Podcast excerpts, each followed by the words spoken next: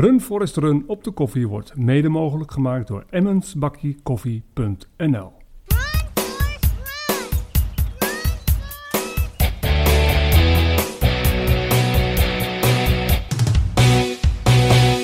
Hallo en welkom bij een nieuwe aflevering van Run Forest Run op de koffie. En vandaag zijn we in Arnhem bij Samena van der Meijden. Hallo Ja. Samena, Goedemorgen. leuk om jou eens te ontmoeten. Ja, leuk dat je er bent. Ja, het is, eh, het is aangenaam eh, zonnig eh, warm hier Klopt. in jouw, in jouw woning. En ik, ik, achter jou word ik helemaal geïnspireerd, want ik zie shirt, hardloopshirts van, het, van de 100 kilometer. Ik zie allemaal medailles en ik zie startnummers en mooie posters. Het, het ademt hier ook echt avontuur, hè? Ja, klopt. En, en lopen. Ja. Heb je, heb, je, heb je al gelopen vandaag trouwens? Nee, ik ga zo meteen lopen. Oh, je gaat toch nog even Of lopen? tenminste vanmiddag, ja. Vanmiddag ga je even lopen. Wat ga je, wat ga je lopen? Ik wil even lekker het bos in en van het weer genieten. Nee, je zit ook wel lekker hier in... eh, lekker wat heuveltjes ook in de buurt. Dat is ook wel lekker natuurlijk. Klopt. Dus je bent, eh, ja, het is een perfecte omgeving. perfect omgeving. Ja. En we gaan het vandaag hebben over jou, over, eh, eigenlijk, eigenlijk over jouw leven, over jouw levensverhaal en over eh, ook een stukje van jouw missie, hè, wat een missie is in jouw leven. En, eh, en maar vooral gaan we het ook hebben natuurlijk, eh, gaan we afronden ook eh, met het, eh, het lopen, hè, hoe, Ja. hoe je daar bent gekomen, wat je nu doet en wat je, ja, wat je doelen zijn en waar je, waar je naartoe wilt. Ehm, ik vroeg me af toen we voorbereiden waren, ik zag je bent geboren in India, Klopt, ja. maar jouw achternaam is nou niet echt een Indiaanse achternaam, hè? Nee, klopt ook. Kun kun je dat uitleggen? Ik eh, ben geadopteerd uit India. Als eh, babytje van vier maanden uit eh, New Delhi, de hoofdstad. Om welke reden wilden ze iemand ad- adopteren uit India? Heb je daar een... eh, Ehm, ja, mijn vader die heeft een auto-ongeluk gehad toen hij 21 was. Waarbij hij zijn nek heeft gebroken. En dus ehm, ook onvruchtbaar is geraakt. En daardoor eh, ja, konden mijn ouders geen kinderen krijgen. En zijn ze, ja, hebben ze uiteindelijk besloten om eh, kinderen te adopteren. Je hebt ook een broer, hè? Is- Klopt, hij is ook geadopteerd uit hetzelfde kinderthuis. Maar biologisch gezien zijn we niets van elkaar. Ja, je, je, hebt een, je hebt een behoorlijk eh, ja, heftig leven al achter de rug. Je bent eh, 29 jaar, maar je hebt Ja. al geleefd voor iemand van al 60, hè? Eh, Bijna wel, ja. Bijna wel. Ja, En, ehm, maar je bent, ehm, ja, je bent, je- het is mooi, je komt binnen en eh, je bent, eh, je kunt past ongeveer drie keer in mei. Maar je, maar je hebt de uitstraling en, eh, als een krijger ook, hè? Echt, echt als een strijder. ja die hoor ik vaker. ja. Maar dat heb je niet altijd gevoeld. Nee, zeker niet. Ik heb me echt best wel kwetsbaar gevoeld ook. Een hele lange periode, denk ik, in mijn leven. Ehm, ik denk eigenlijk zelfs wel tot een aantal jaren geleden. Dat ik toen pas zoiets had van... oh ja, nu ben ik tevreden met, met de persoon die ik ben, zeg maar. Dus dat heeft moeten, wel lang geduurd, ja. je hebt lang moeten werken om te worden Ja. wie je wil zijn. Ja, ja en daar ook eh, genoegen mee te nemen, denk ik. Of tevreden over te zijn. Je bent geadopteerd, eh, maar helaas maar was op een gegeven moment jouw thuissituatie niet meer zo stabiel. Klopt, ja. Ja, ik ben opgegroeid eh, in Tiel. In een, nou, de eerste twaalf jaar van mijn leven best wel in een liefdevol gezin. En op mijn twaalf zijn mijn ouders gaan scheiden. En vanaf dat moment eigenlijk eh, is er een soort van omkeerpunt gekomen. Eh, vanaf dat moment was er sprake van huiselijk geweld. Eh, het is echt een vechtscheiding geweest tussen mijn ouders. Ehm, en mijn moeder is daarna gaan drinken. Dus dat was mijn jeugd. in dat opzicht was niet ideaal, zeg maar. Als, als, als tiener en puber, om, om zo op te groeien. En je, je woonde bij je, bij je moeder. Ja, klopt. En dat was, was het daar waar je het geweld meemaakte, ervaarde? Ja, ja. En die was er op jou gericht. Eh, vooral tussen mijn moeder en mijn broertje. Die eh, botsten heel erg met elkaar. En dat regelmatig dat er stoelen door de kamer heen vlogen. Of deuren kapotgeslagen werden. Of dat ze elkaar in de haren vlogen. Dus het was in, in het begin was het niet zozeer tegen mij gericht. eh, maar was het vooral tussen hun onderling. En ik fietste er een beetje tussendoor, zeg maar. Ja, maar Ja. je bent dan ook al, is het niet direct op jou gericht. Het, het, het raakt je natuurlijk enorm dan als Ja, kind. je ziet het wel. En op een gegeven moment, eh, je gaat ook echt op eieren lopen. Dus je weet niet wat je thuis aantreft. En je wilt eh, proberen om het zo rustig mogelijk te houden. Dus dat, dan, dan ga je iedereen maar een beetje pleasen. En eh, om maar de lieve vrede te bewaren, zeg maar. Ja, ja, wel Ja. echt. En is dat is, is, is zoiets, eh, we gaan meteen een sprongetje maken, maar is zoiets wat dan voor bepaald is voor hoe je naar dingen kijkt en hoe je omgaat met dingen in je hele leven? Dat je geneigd bent dan om te pleasen en om te... Ik denk dat ik dat heel lang heb gedaan. eh, omdat ik... Ik denk als, als kind al was ik best wel een onzeker kind. Op de basisschool ben ik ook best wel gepest. Omdat ik... eh, ja, het is altijd een beetje vaag waarom mensen pesten. Maar ik denk omdat ik, ik was een vrij rustig kind, stil, uh, kon goed op mezelf zijn. En ehm, ik ehm, was, ik denk in op de basisschool in groep drie kon ik al best wel goed lezen. Ehm, dus ik verveelde me altijd een beetje. En dat, uh, ja, andere kinderen die konden dat denk ik ook niet zo goed hebben. Dus vanaf, uh, ja, vanaf wat ik kan herinneren, van groep 5 tot groep 8 ben ik wel flink gepest. En toen ging ik naar de middelbare school en uh, dan ga je op een andere manier ga je jezelf laten gelden natuurlijk. Op welke en, manier ging je dan laten gelden? Um, ja, ik ging eigenlijk meteen een grote mond opzetten. Dus ik raakte vrij snel bevriend met een van de grootste jongens uit de klas. Omdat ik zoiets had van, ik wou er alles aan doen om niet gepest te worden. Dus ik ging uh, brutaal doen tegen leraren. Ik werd echt in week 1 denk ik al uh, regelmatig de klas uitgestuurd. Ja, achteraf gezien is het wel... de toon. Ja, ja, ik was wel echt een vervelende puber voor mijn leraren. Terwijl thuis was ik gewoon uh, bezig met dingen waar kinderen van 12 niet mee bezig horen te zijn. Zoals huishouden, koken, boodschappen doen, dat soort dingen. Um, en op school was een beetje mijn uitlaatklep eigenlijk. Helaas voor de docenten, maar uh, ja, zo werkt het wel. Je had het nodig. Ja, ja, gewoon even een plek waar je niet, uh, waar je gewoon lekker je ding kan doen. En ik was veel aan het basketbal in die tijd. Dus het liefst was ik gewoon, uh, ik was altijd met mijn bal. Op school, in de trein, overal.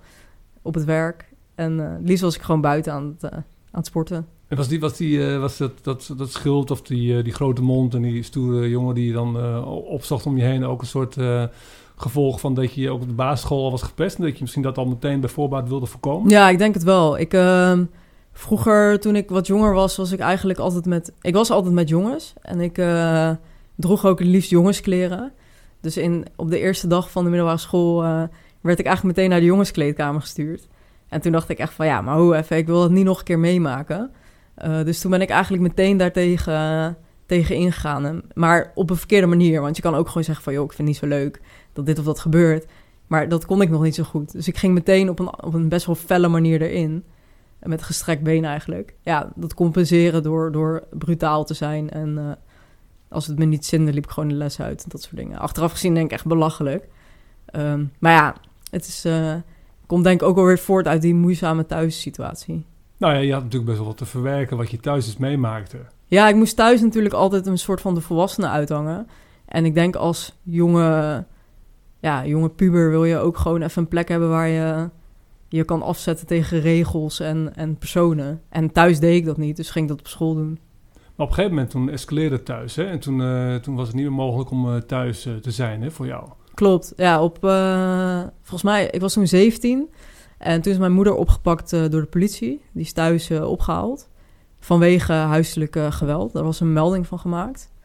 En ehm, ja, mijn broertje viel toen echt onder jeugdzorg. Dus die, is toen meteen naar een een soort van begeleid kamertraject is die in, terechtkomen. En ik werd door de politie thuis afgezet met, ja, je bent 17. Ik was toen, werd toen bijna 18. Dus ze hadden zoiets van, ja, je kan niet prima alleen thuis blijven. Alleen ik dacht, ja, als mijn moeder zo meteen thuis komt... je weet natuurlijk niet wanneer dat is. Dus de politie had het over van, we kunnen haar drie dagen vasthouden hier... en dan moet ze naar een soort van gevangenis. Maar ik dacht, ja, ik ga niet afwachten of ze, of ze op dag 1, 2 of 3 thuis komt. Dus ik ben toen eigenlijk heb meteen een uh, tasje gepakt en toen ben ik vertrokken. En ook nooit meer thuis gekomen. Je, hebt het echt, echt, echt, je was bijna echt een vluchteling gewoon op dat moment. Ja, ja eigenlijk wel. Ja. Dus je, dus je, je, niet, uh, je hebt niet, het is niet zo dat je dus drie dagen of twee dagen hebt zitten pijnzen en afwegen. Wat nee, je nee, ik dacht meteen wegwezen hier. go. Ja. Maar ja. hoe was dat dan? Hoe was je relatie met je jongere broer dan? Want die moest je dus, die, ja, die was in één keer weg. Dus het enige Klopt. waar je nog wel misschien een band mee had, ook qua gezin, Ja. dat was weg. Die was weg. Ja, onze band is altijd eigenlijk wel... We spreken elkaar eigenlijk nooit. Maar op de een of andere manier hebben we wel altijd een goede band gehad. Dus we hebben nooit ruzie gehad of oneenigheid... of met scheve gezichten naar elkaar gekeken. Ik denk dat wij uh, heel lang niet zo goed begrepen zijn door, door de school ook. Omdat wij natuurlijk allebei hetzelfde meemaakten thuis. Maar allebei niet echt praters waren. Uh, dus dat schept toch een band en een connectie. Omdat je van elkaar weet dat je gesprekken hebt op school en dat je het over hetzelfde hebt. Um, maar ondertussen, ja, eigenlijk is er veel te laat actie ondernomen. Dat het veel eerder moet gebeuren. Uh, ja. Dus ik denk dat het ons heel erg connect. En uh, ik spreek hem nu heel af en toe.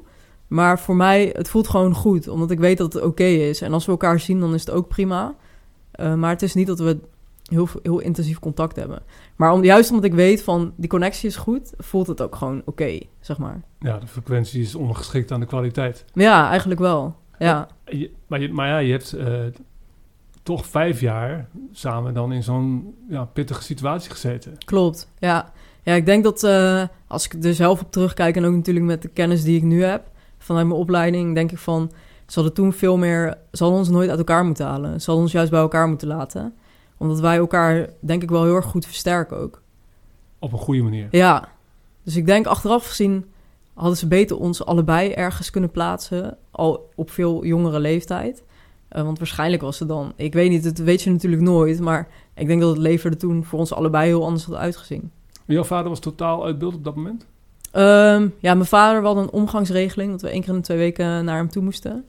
Eh, maar hij woonde inmiddels met zijn nieuwe vrouw en, eh, en haar kinderen. Dus ik wou daar eigenlijk nooit naartoe. Ik, vond het, ik voelde me daar ook niet op mijn gemak. En mijn broertje wel, dus dat, daarin verschilden wij heel erg. En nu is het eigenlijk zo dat mijn broertje heeft geen contact met mijn moeder en ik niet met mijn vader. Dus dat is ook weer een soort van balans die we, denk ik, gecreëerd hebben of zo. Dus je hebt nog wel contact met één van twee.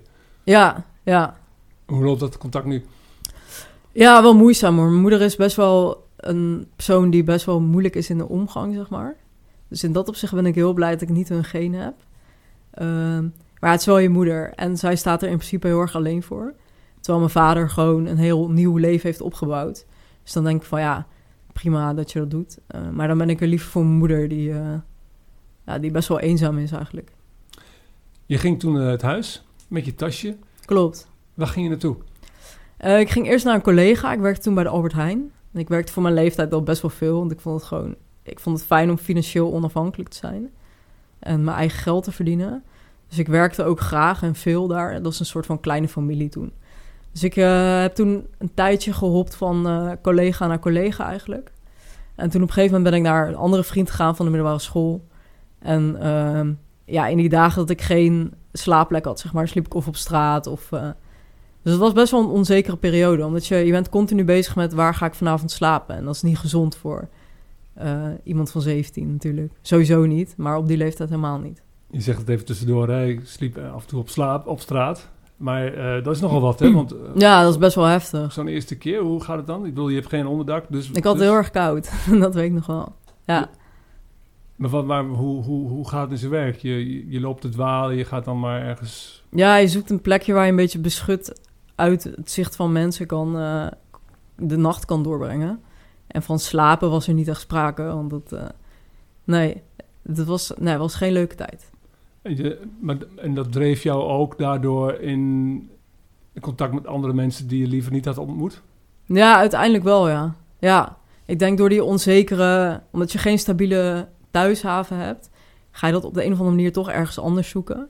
Dus op een gegeven moment leerde ik inderdaad een jongen kennen... eh, op mijn andere werk. Ik had toen twee baantjes. Ehm, Je was echt eh, veel aan het werk, Ja, ja, ja. Je wilde echt heel erg Ik vond school vond ik echt verschrikkelijk. Ik vond het echt saai.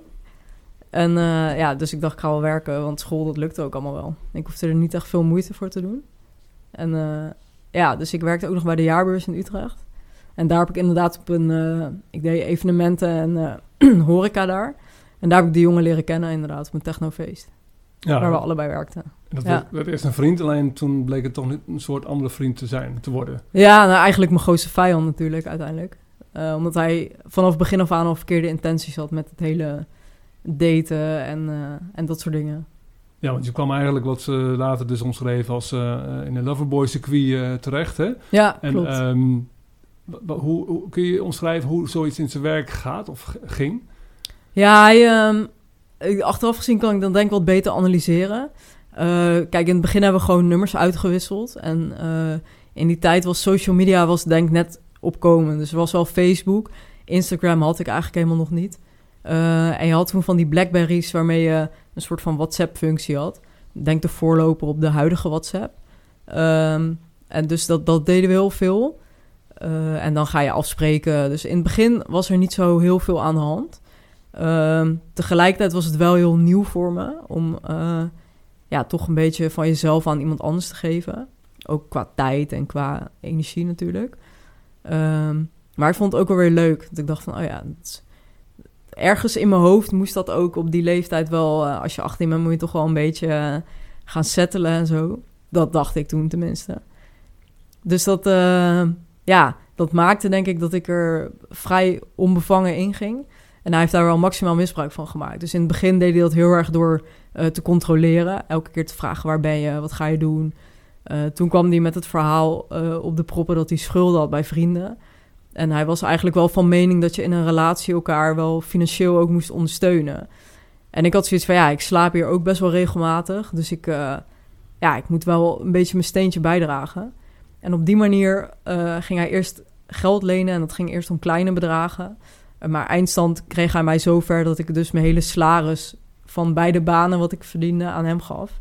Wat natuurlijk maakt dat je zelf geen financiën hebt om in je levensbehoeften te kunnen voorzien. Dus was totaal afhankelijk. ja, terwijl je dus ik onafhankelijk ja. zou... Eigenlijk was Eigenlijk, onafhankelijk, ja. maar je was totaal afhankelijk. Klopt.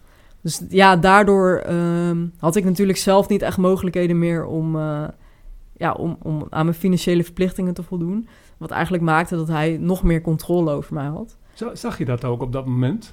Of Nou, ik wist wel dat het niet helemaal normaal was. Eh, ook omdat hij best wel in toenemende mate agressief werd. Dus als ik iets deed wat, wat hem niet beviel, dan sloeg hij er gewoon op los. En eh, je weet gewoon in je hoofd, weet je dat het niet normaal is. Maar doordat het, het is iemand die op dat moment zo dichtbij je staat. eh, en hij ging elke keer zijn excuus aanbieden. Dus dan zei hij van, ja, sorry dat ik eh, gisteravond zo deed... maar ik heb echt stress en ik heb echt problemen en sorry en het gebeurt niet meer. En dan denk ik van, ja, ik heb verder eigenlijk niemand anders. Dus je neemt er ook maar genoegen mee. Met dat, dat ik dacht van, ja, hij heeft ook problemen en hij heeft ook moeilijk. Dus ik accepteerde die excuses keer op keer op keer. Terwijl je in je achterhoofd weet je gewoon continu dat het niet oké is. Dat is natuurlijk... eh, ja, dat is natuurlijk een soort van controle ook die hij over je uitoefent. En er was dus ook niemand... eh, Je had ook geen maatjes, maar geen vriendin of een vriend... die, eh, ja, die, die je daarvoor waarschuwde of die je spiegel voor hield. Nou, ik zag mijn vrienden op een gegeven moment ook niet meer. Ik eh, heb best wel een hechte vriendengroep nog steeds van die eh, middelbare schoolperiode. Ehm, maar ik ging me dus heel erg isoleren. Dus ik ging juist niet meer met hun afspreken. eh, omdat ik dus bij eh, de jongen wou zijn. Of moest zijn eigenlijk. Dus op die manier, ja, ik denk achteraf gezien is dat ook alweer een methode om iemand natuurlijk maximaal te isoleren van zijn omgeving. Waardoor hij natuurlijk totale controle had over mijn leven eigenlijk. Dus daar begon het eh, dat ik dacht van ja, het is eigenlijk niet oké. Maar er was geen beter perspectief. Dus ik dacht, nou dan, dan maar dit. Ja, het, het, alternatief was erger. Voor Ja, eigenlijk wel. Ja, Maar het, werd- het, werd, het werd wel erger. het werd zeker wel erger. Ja. Stapje Ja. voor stapje, zeg maar. ehm, wat, wat je misschien een jaar of twee daarvoor objectief gezien eh, als eh, abnormaal had gevonden, begon je steeds normaler te vinden bijna ook. Ja, ja, eigenlijk wel. Ja, je gaat echt wel je grenzen verleggen daarin. En eh, natuurlijk, op een gegeven moment kwam daar wel een kantelpunt in dat hij... ehm, ja, ik kom uit een best wel christelijk gezin... waarin eh, in de kerk echt wel op wordt gehamerd... dat eh, seks voor het huwelijk is echt een taboe. En seksualiteit aan zich is ook niet bespreekbaar. Dus ik wist er ook heel weinig van. Het enige wat ik wist... is dat je zo gebrainwashed bent op een gegeven moment... dat je geen seks voor het huwelijk mag hebben... Uh, dus ik, ik, had dat, ik had daar ook nog helemaal geen enkele ervaring mee. En als dan zo iemand daar misbruik van maakt door inderdaad een filmpje te maken van een verkrachting, dan, dan heb je eigenlijk geen poot om op te staan. Dus dat was. Um, die gebeurtenis was eigenlijk zo heftig dat ik daarna ook gewoon de controle helemaal kwijt was. Want, want um, als ik het mag invullen, je bent toen uh, gefilmd. Ja. Terwijl je door vrienden van hem bent verkracht. Klopt, ja.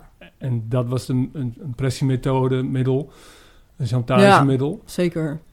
Dat, uh, ja, en vanaf dat moment bood hij ook niet meer zijn excuses aan. Dus hij zei gewoon van ja, ik heb dit filmpje en je doet nu maar gewoon wat ik zeg. Terwijl als iemand dat nu tegen mij zou zeggen, dan zou ik echt denken, ja prima, maar iedereen kan op dat filmpje zien dat het niet oké is. Doe je ding, doe wat je wil, uh, I don't care.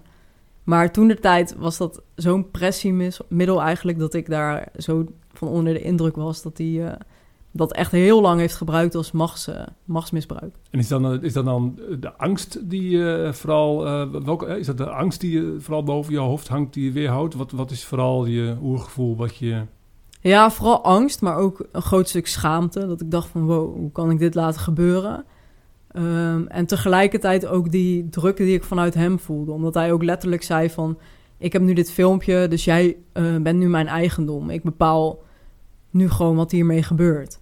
En op het moment dat iemand dat tegen je zegt... en je bent al in een kwetsbare positie... dat maakt je nog kwetsbaarder. Dus daardoor, dat maakte eigenlijk dat ik helemaal niet... Uh, daar ook tegenin durfde te gaan eigenlijk. Het geloof, hè? Want je geloofde op dat moment, hè?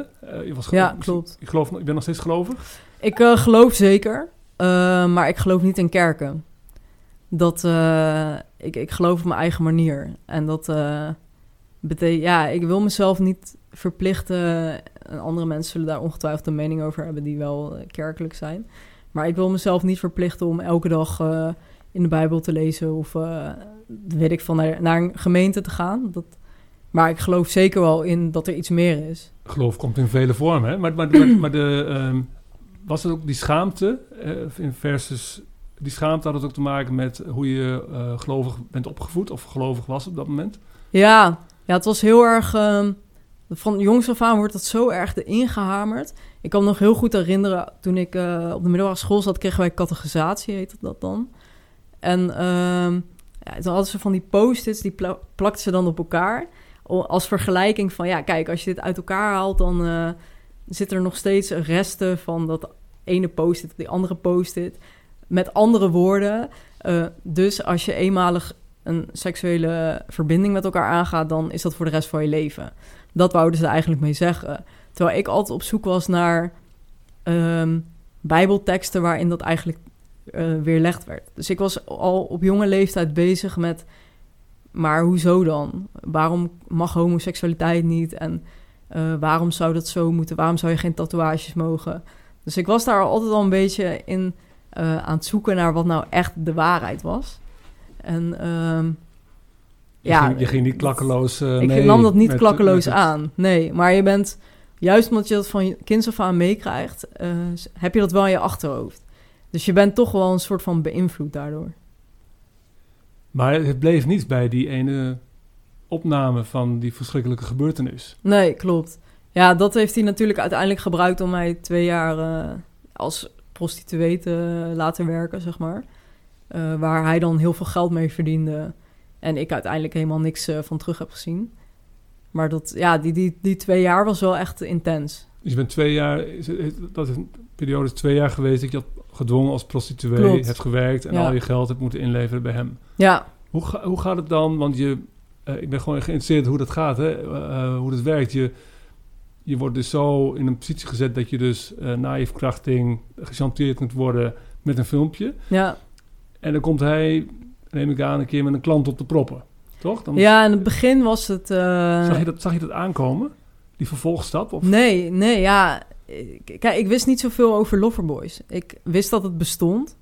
Um, maar ik, ik had altijd een beeld in mijn hoofd van... oh ja, dat zijn jongens die met scooters op het schoolplein komen... en uh, meisjes dure kleren geven. En ik was niet echt een... Toen ook nog steeds niet. Ik ben nooit echt een meisje-meisje geweest. Ik ben altijd bezig geweest met sporten. Dus ik loop eigenlijk de hele dag uh, in sportkleding. of in, uh, ja, trainingsbroek, zeg maar. En toen de tijd ook al. Dus ik dacht van ja, ik zal nooit een meisje zijn die wordt ingepand door zo'n jongen. Want ik ben helemaal niet knap. En ja, ik, ik, het was een heel erg ver van mijn bedshow eigenlijk. en juist als dat dan gebeurt, dat je in één keer denkt van oh ja, dit, dit zou wel eens zo'n loverboy kunnen zijn. Maar dan is het eigenlijk al te laat. Dat is het te laat, dan zet je er middenin. Ja, ja. Wat moet, wat moet ik me daarbij voorstellen? Um, hoe vaak moet je dan aan het werk voor zo'n man? Uh, ja, in het begin leidde ik nog best wel een dubbel leven. Ik werkte toen ook 40 uur in de week bij de etels. Dat deed je er gewoon nog even naast? Ja, ik heb dat best wel een periode volgehouden, omdat... Uh, ja, je wil natuurlijk naar de buitenwereld zo normaal mogelijk overkomen. Uh, en niet laten merken dat er iets aan de hand is. Tenminste, dat was mijn tactiek toen de tijd. Uh, maar dat hou je natuurlijk uiteindelijk, eindstand hou je dat niet vol. Dus in het begin waren het vooral vage kennissen van hem, die dan langskwamen of ik werd naar die appartementen gebracht. En later was het ook echt eigenlijk alles wat klanten als verzoek hadden, konden krijgen. Dus of nou in een hotelkamer was of in een kelderbox of zo'n garagebox, weet je wel, die wel eens ergens heb staan. Het was heel, heel divers. En dat, uh, ja, je bent je bent dan helemaal de controle kwijt. Dus je weet op een gegeven moment ook niet meer hoeveel klanten je krijgt. Dus soms was ik, nou, in het begin was het dan één of twee. En later werd het steeds meer. Dus ik, dan is het ook onmogelijk om daarnaast nog uh, je normale leven te behouden eigenlijk. Je zei, uh, je, probeert, je probeert ook te camoufleren, hè? als je naar je werk ja, gaat. Ja. En uh, daar doe je heel erg je best voor. Hebben mensen zich wel eens een vraag gesteld of het wel goed met je ging? Ik denk het wel. Op een gegeven moment ging ik me natuurlijk heel veel ziek melden. Dus dan kom je heel veel in verzuim terecht. Omdat ik ook echt wel... Ja, je krijgt, gaat lichamelijke klachten ontwikkelen. Uh, en op een gegeven moment ging ik ook drugs gebruiken in die periode. Of tenminste, dat werd of op verzoek van een klant... of uh, werd het gedwongen door de Loverboys, zeg maar. Uh, dus dan kan je niet meer... Ik kwam s ochtends ook mijn bed niet meer uit, zeg maar. Als je tot vier, vijf uur gewerkt hebt voor zo'n Loverboy... dan ga je niet om zes uur weer naar je normale baan, zeg maar. Dus dat, dat ging elkaar heel erg bijten. En ik denk dat het voor mijn werkgever toen een tijd heel ongrijpbaar was. Omdat ik me elke keer ging ziek melden en er steeds slechter ging uitzien. Um, dus ik denk dat het vooral... Ik kan me nog herinneren dat het vooral een gevoel van irritatie opwekte. Uh, terwijl er iets heel anders aan vooraf ging, zeg maar. Maar je bent eigenlijk op heel veel fronten, mentaal, geestelijk, uh, ben je, hè, fysiek ben je verdoofd, lijkt het ja, wel. Ja, Alsof, je, uh, alsof het niet over jou gaat, bijna. Is dat, is dat... Bijna wel, ja. En dat is natuurlijk ook door, dat, door het gebruik van, van drugs. Um, Was het ook fijn om die drugs juist te hebben? Om, uh, ja, om te... soms wel. Want je voelt natuurlijk veel minder... Uh, het gaat allemaal een beetje langs je heen, zeg maar. Dus als jij um, GHB gebruikt of zo... dan kan je juist weer heel lang doorgaan. En dat was vaak op verzoek van de klant, want het is wel echt troep. Um, maar bijvoorbeeld ecstasy, dat soort dingen, speed heb ik gebruikt. Dat, dat, ja, daardoor hou je het gewoon vol, je dagen. Anders het is het onmogelijk om het zonder te doen bijna. Wanneer kwam het, uh, het kantelpunt dat je uit die wereld kon ontsnappen? Um, was het wel echt een kantelpunt? Ja, het was wel echt een kantelpunt. Op een gegeven moment... Uh, je hoort wel eens dat loverboys tatoeages zetten op, uh, op slachtoffers, zeg maar. En mijn loverboy heeft toen met een mes heeft hij zijn naam gekerfd in mijn borst. En dat, uh, ja, die wond heeft hij, dat is eigenlijk heel dom, die heeft hij heel erg laten infecteren. Hij heeft dat met een vieze, vies mes gedaan. Uh, dus ik kreeg heel hoog koorts. Ik werd daar echt heel ziek van. En ik woonde toen een tijd uh, bij een gezin... wat in de kerk zat bij ouders van vrienden van mij. En die hadden een kamer over, dus die zeiden van... Ja, je kunt hier gewoon verblijven en... Ze hoefden daar ook niks voor terug. Dus die hebben me in dat opzicht zeker een hele grote rol gespeeld in het geheel. Um, en op een gegeven moment vonden zij dus het t-shirt wat helemaal onder het bloed zat. En toen zijn ze echt gaan doorvragen van... joh, wat is er nou aan de hand? En uh, ik ben toen naar de huisarts gegaan. En die heeft me toen doorverwezen naar Centrum Seksueel Geweld in uh, Utrecht. Want je hebt, je hebt wel tegen die mensen waar je toen verbleef... heb je het verhaal Uiteindelijk, verteld. ja, ik kon er niet meer omheen. Want het was natuurlijk... Kijk, ik woonde daar en voor hun was ik gewoon uh, Sam die zijn verblijfplaats boden en die 40 uur in de week werkte en met vrienden afsprak en sporten. Dus ze zagen mij ook bijna nooit. En dat hoeft ook niet, want ik was 18, dus ik was hun natuurlijk geen verantwoording verschuldigd. Maar op een gegeven moment gaat het wel opvallen als je steeds later thuis komt of midden in de nacht. Of, uh, het was meer uit zorg dat ze daar op doorvroegen dan om vervelend te doen, zeg maar. Ja, wel raar toch? Zo'n brandmerk uh, achterlaten op een persoon. Ja, dat is heel raar. Want in ja. feite uh, ja, is het een soort alarmbel meteen, toch? In feite wel, ja. Het is vooral in, dat, in het Loverboy circuit is het vooral om te laten zien van... oh ja, deze is van mij en die is van mij. En uh, ja, een soort van trofee of zo. Ik weet niet wat het is. Ja. Ja. En toen kwam je, en toen kwam je bij de huisarts terecht. Ja, en die, uh, nou, die wond dat eigenlijk gehecht moeten worden. Maar ja, dat kon niet meer, want het moet binnen zes uur moet dat gebeuren. dus toen ben ik naar dat Centrum Seksueel Geweld gestuurd. En ik kan me toen herinneren dat ze... Ik zat toen er tijd... Uh, stond ik ingeschreven op de FAVO in uh, Culemborg. En, de FAVO? Uh, dat is volwassen onderwijs. Dus ik deed daar mijn HAVO de laatste twee jaar in een jaar. Want ik van mijn vorige school eigenlijk een soort van afgestuurd was. Slash, ja, ik kwam daar toch nooit. En op die FAVO kwam ik eigenlijk ook nooit. maar ik was daar wel in contact gekomen met een schoolmaatschappelijk werker. En dat was een man. Maar ik kon altijd heel... Ik vond het heel chill. Ik hou niet zo van... Toen ook al niet. Ik hou niet zo van dat emotionele gedoe, weet je wel. Dus als je tegen mij gaat zeggen van... Oh, wat erg voor je. Dat zit meteen in mijn allergie. En deze maatschappelijk werker was gewoon heel nuchter. Maar ook heel eerlijk. En dat, uh, ze hebben hem toen gebeld en naar het uh, UMC Utrecht laten komen. En hij is toen ook meteen gekomen. En toen uh, heeft hij eigenlijk voor gezorgd dat ik bij een ambulante hulpverleningsorganisatie kwam. Die specifiek uh, loverboy-problematiek en dit soort uitbuitingssituaties ja, mensen bij helpen, zeg maar. En daar kreeg ik een coach. Tenminste, zo noem ik altijd maar. Of een hulpverlener, hoe je het wil noemen. Sanne heette zij. En zij was heel erg doortastend. Dus ze bleef... Uh, ze, zij doen heel erg laagdrempelig contact. Dus elke dag ging, kreeg ik een appje van haar van... Joh, hoe gaat het? Hoe heb je de nacht doorgebracht? Terwijl zij wisten dat er echt wel veel dingen uh, aan de hand was. En toevallig uh, sprak ik haar laatst en toen vertelde ze inderdaad ook... Je kwam hier regelmatig gewoon dat ik gewoon de mes strepen nog op mijn keel staan. Zo ver ging het eigenlijk. En dat ja, zij wisten op een gegeven moment ook niet meer wat nou de beste oplossing was. Want de messtreep op jou. Ja, nou ja, gewoon, uh, ik, ik, werd continu bedreigd. Uh, zij moest mij echt van, het was, zij zitten midden in het centrum in Utrecht. Dus je, was, je was, even mijn beeld, hè, je was dus naar die arts gegaan, je bent in maatschappelijke werk gegaan, je zat bij ja. een coach, maar je was dus nog niet uit het gevarenzone nee, nee. dus. Je zat dus er nog middenin. Ik zat er nog middenin en dat wisten zij ook. Dus als ik een afspraak had bij haar, dan moest ik echt opgehaald worden van Utrecht Centraal. En dan liepen er ook best wel vaak gewoon gasten mee. Dat uh, achteraf voor hun ook best wel intimiderend is natuurlijk.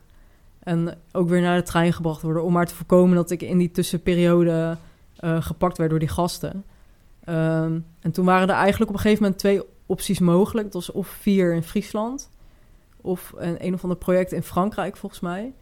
Um, maar in dezelfde periode ik ook een eetstoornis ontwikkeld, anorexia. Um, of tenminste eigenlijk weer een terugval. Ik had het al eerder, had ik daar last van gehad. En toen zeiden ze eigenlijk in vier van, uh, bij vier van... ja, sorry, maar we kunnen je niet helpen... want de eetstoornis staat veel op de voorgrond. Um, en toen ben ik aangemeld bij een eetstoorniskliniek. En daar zeiden ze eigenlijk van... ja, het, het komt voort uit een loverboy... Uh, problematiek, dus we kunnen nu niet uh, die eetstoornis eerst behandelen. Dus dan val je in feite tussen wal en schip. En toen ben ik via de kerk uh, iemand... Die zei van, joh, je moet eens gaan kijken in Katwijk. Daar zit Stichting Zout, heette dat. En daar doen ze heel veel met sport en het is heel laagdrempelig. Ga daar eens kijken en dan ben je lekker weg uit je omgeving. Dus ik dacht, ja, ik heb niks te verliezen. Dus daar ben ik toen heen gegaan. En dat zag inderdaad, zag er best wel chill uit allemaal. Bokszalen en gyms en zo. Dus dat, dat, dat, sprak me natuurlijk heel erg aan. Um, maar het was een hele vreemde ik kwam daar in een huis terecht, wat eigenlijk uh, waar jonge moeders woonden en waar één mannelijke begeleider op zat. En ik moest toen slapen in een soort van uh, hokje waar de boiler hing, zeg maar. Daar hadden ze een matras neergelegd onder het mom van... ja, we hadden geen plek, dus hier moet je tijdelijk uh, slapen. Dus ik dacht, nou prima, weet je wel, als je op straat kan slapen, kan je overal slapen. En uh, na dag één bleek al dat die kerel die daar de begeleider was... zogenaamd zijn handen niet kon thuishouden. En toen heb ik gelukkig meteen uh, Lennox gebeld, de schoolmaatschappelijk werker. En gezegd van, joh, dit en dat is aan de hand. En hij zei, je, je komt nu terug en we gaan hier nu een melding van maken. Uiteindelijk is die organisatie ook uh, door de inspectie uh, opgedoekt. Wat voor beeld van de wereld kreeg je wel niet op dat moment? Geen goede, nee. Want het, uh, want je, het is bizar. Maar ik ga hem even terug. Hè. Je, je, je, um, door toeval, zeg maar, door oplettendheid van vrienden waar je verbleef, uh, werd je doorverwezen naar een huisarts. Hè, die zagen ja. jouw verwondingen. Um, men kreeg al snel door dat je te maken had met seksueel geweld. Slachtoffer was uh, in prostitutie was gedwongen. Klopt, ja. Daar zat je nog middenin. Um, je werd ook nog eens een keer begeleid door een coach. Dan gaan twee instanties ruzie maken of het nou ja. eetstoornis ja. of uh, seksueel geweld is. Klopt. En in de middenweg kom je uit bij een persoon van ja. de officiële instantie ja. die jou vervolgens ook weer wil gaan misbruiken. Klopt. Ja, en toen dus was ik ook wel klaar mee hoor met hulpverlening. Kijk, we hebben natuurlijk als gezin vroeger heel veel jeugdzorg over de vloer gehad. En daar had ik natuurlijk al niet een uh, bijster positief beeld van. Want die uh, gezinscoaches, voogden, hoe je het wil noemen, die wisselen echt op. Ik weet niet hoe ze het doen, maar die wisselen zo vaak. Die mensen zijn gewoon niet in staat om hun baan te behouden, denk ik. En dat zal ongetwijfeld goede redenen hebben. Um, dus daar, daardoor had ik al niet zoveel op met hulpverlening. Um, en toen dat was gebeurd, dacht ik eenmaal van ja, hulpverlening, ik ga echt niet intern ergens. Uh... Ik weet nog heel goed dat ik toen tegen Sanne zei van ik kan nog beter iemand neersteken en naar de gevangenis gaan dan me nog een keer ergens laten opnemen. Um, intern en dit soort shit nog een keer meemaken. Dus toen uiteindelijk ben ik via Kamernet... eh, kijk, prioriteit nummer één in mijn hoofd was woonruimte vinden. Dus ik ben gewoon via Kamernet eh, op zoek gegaan naar een kamer. En toen kwam ik uit op een kamer in Den Bosch. En eh, daar ben ik geweest kijken en ik mocht die kamer hebben. Dus ik had toen woonruimte in ieder geval. En toen hebben we wel met hulp van eh, politie en uh, Sanne dan telefoon, bankrekening en dat soort dingen afgesloten. En ik ben toen denk ik ook best wel lang Den Bosch niet uit geweest. Dus mijn leven speelde zich echt af in, in Den Bosch. Had je het idee dat je toen of wel uit te zien was? Dat je wel toen veilig was? Ja, omdat hij natuurlijk niet wist waar ik was. En ik heb toen ook echt al het contract, contact verbroken. Ehm, en in het begin was dat nog best wel... Kijk, je weet niet meer wat wel of niet klopt. Dus als er bij mij mensen aan de deur kwamen... dacht ik echt van, ja, ik weet niet hoor, maar wat doe je hier? Dus dat, is heel, dat was heel moeilijk om, dat, om te onderscheiden wat wel goed was en wat niet goed was. Ehm, en ik heb me in het begin daar ook best wel eenzaam gevoeld. Want je zit natuurlijk... Ja, je, je woont in een stad waar je eigenlijk niet bestaat... En je mag die stad ook niet uit. Dus dat was wel, ja, het was wel een nare periode, zeg maar. Waarin ik niet echt nog die vrijheid eh, ervoer, zeg maar. Want was je toen nog eh, ook afhankelijk van... was je überhaupt afhankelijk geworden van drugs? Ja, ik was toen wel aan het afkicken. Ik zag het niet echt als afhankelijkheid, gelukkig, denk ik. Eh, het was niet dat ik het zelf ging kopen of zo. Dat niet. Kijk, als het er was, dan gebruikte ik het. Maar als het er niet was, kon ik ook, ook prima zonder. Eh, maar wat wel resulteerde in dat ik wel eh, heel erg op zoek ging naar andere manieren om die pijn maar kwijt te raken. Want je gaat natuurlijk wel veel meer voelen op het moment dat je eh, geen drugs gebruikt natuurlijk. En hoe, hoe, waar ging je dan op zoek? Wat ging je... Ja, in het begin was ik best wel depressief. Dus toen heb ik echt actief gezocht naar manieren om het leven te beëindigen, zeg maar.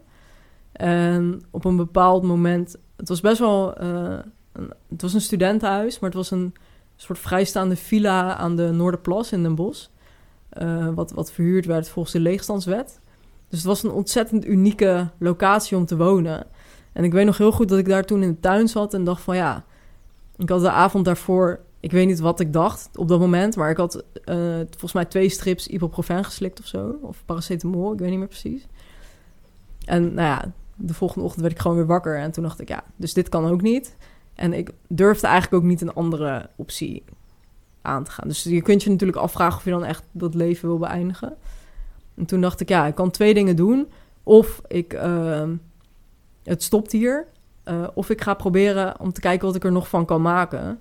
En toen heb ik eigenlijk heel bewust voor dat tweede gekozen. En uh, in die tijd luisterde ik heel veel naar van die motivational video's op YouTube. En uh, dat heeft me uiteindelijk wel geïnspireerd om elke dag te gaan lopen. Hoe ging dat dan? Je, je, want je, had, je had helemaal geen loopervaring. Nee, ik had ook helemaal niks. Maar, had ook niks? Nee, maar ik wou gewoon iets hebben waardoor ik in ieder geval mijn frustratie en mijn verdriet een beetje kwijt kon. Um, en dat, dat park, dat was hartstikke mooi. Om die plas natuurlijk kon je heen lopen en... Toen dacht ik, nou, dan ga ik een rondje om de plas lopen. Ja, leuk, een rondje om de plas lopen. Ik kwam nog niet eens verder als het, volgens mij het einde van de straat. Uh, maar ik ging het wel elke dag doen. En op een gegeven moment, ik weet nog dat ik mijn eerste vijf kilometer liep. En mijn huisgenoot was toen mee op de fiets en ik was daar heel trots op. Maar ik liep gewoon op uh, schoenen van de Scapino, volgens mij. Van die gewone casual sneakers.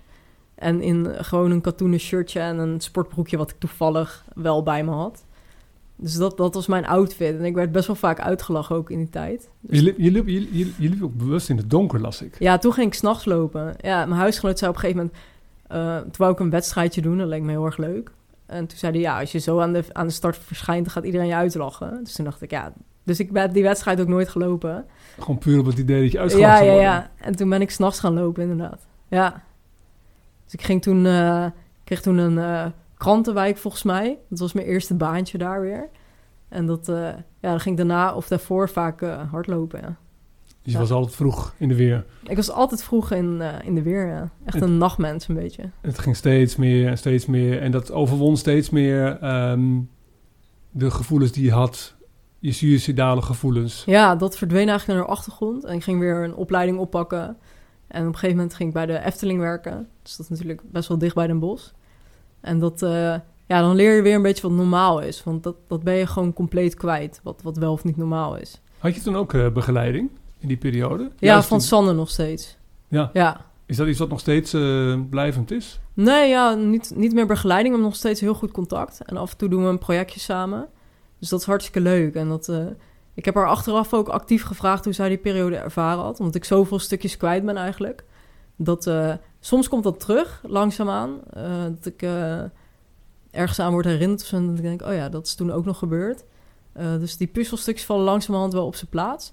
En Sanne is gewoon een heel belangrijk persoon geworden in mijn leven omdat zij altijd, uh, op een gegeven moment zei ze ook van...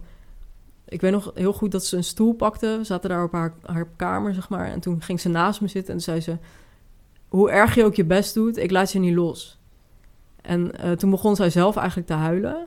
En dat was voor mij zoiets dat ik besefte van... Oh ja, dit zijn ook gewoon mensen met een hart, zeg maar. En dat ik dat opnieuw besefte. Dat, ja, dat voor hun ook best wel intens was natuurlijk om, om dit soort... Uh, uh, slachtoffers te begeleiden. En dat, ik denk dat het feit dat ze dat zei en ook echt liet zien dat ze zo uh, dichtbij bleef staan, maakte dat ik haar uiteindelijk wel ging vertrouwen. Dus qua hulpverlening denk ik, ja, dat, ik had me geen betere hulpverlening kunnen wensen op dat moment. Is dat de nee. snaar ook bij jou geraakt? Zeker, ja. Vanuit, ja. ja. niet, als een, niet vanuit theorie, maar echt vanuit haar gevoel ook heel ja. bereikt. Ja, en als ik een afspraak niet nakwam, dan maakten we gewoon een nieuwe. En dat, uh, niet een week later, maar nee, dan kom je maar morgen. En dan kom ik morgen niet, dan kom je maar overmorgen. En dan kom ik overmorgen wel. Nou, dan kom je over twee dagen weer of na het weekend. En zo, uh, op die manier um, maakt het wel dat ik haar steeds meer in vertrouwen ging nemen. Ook over dingen die wel gebeurd waren.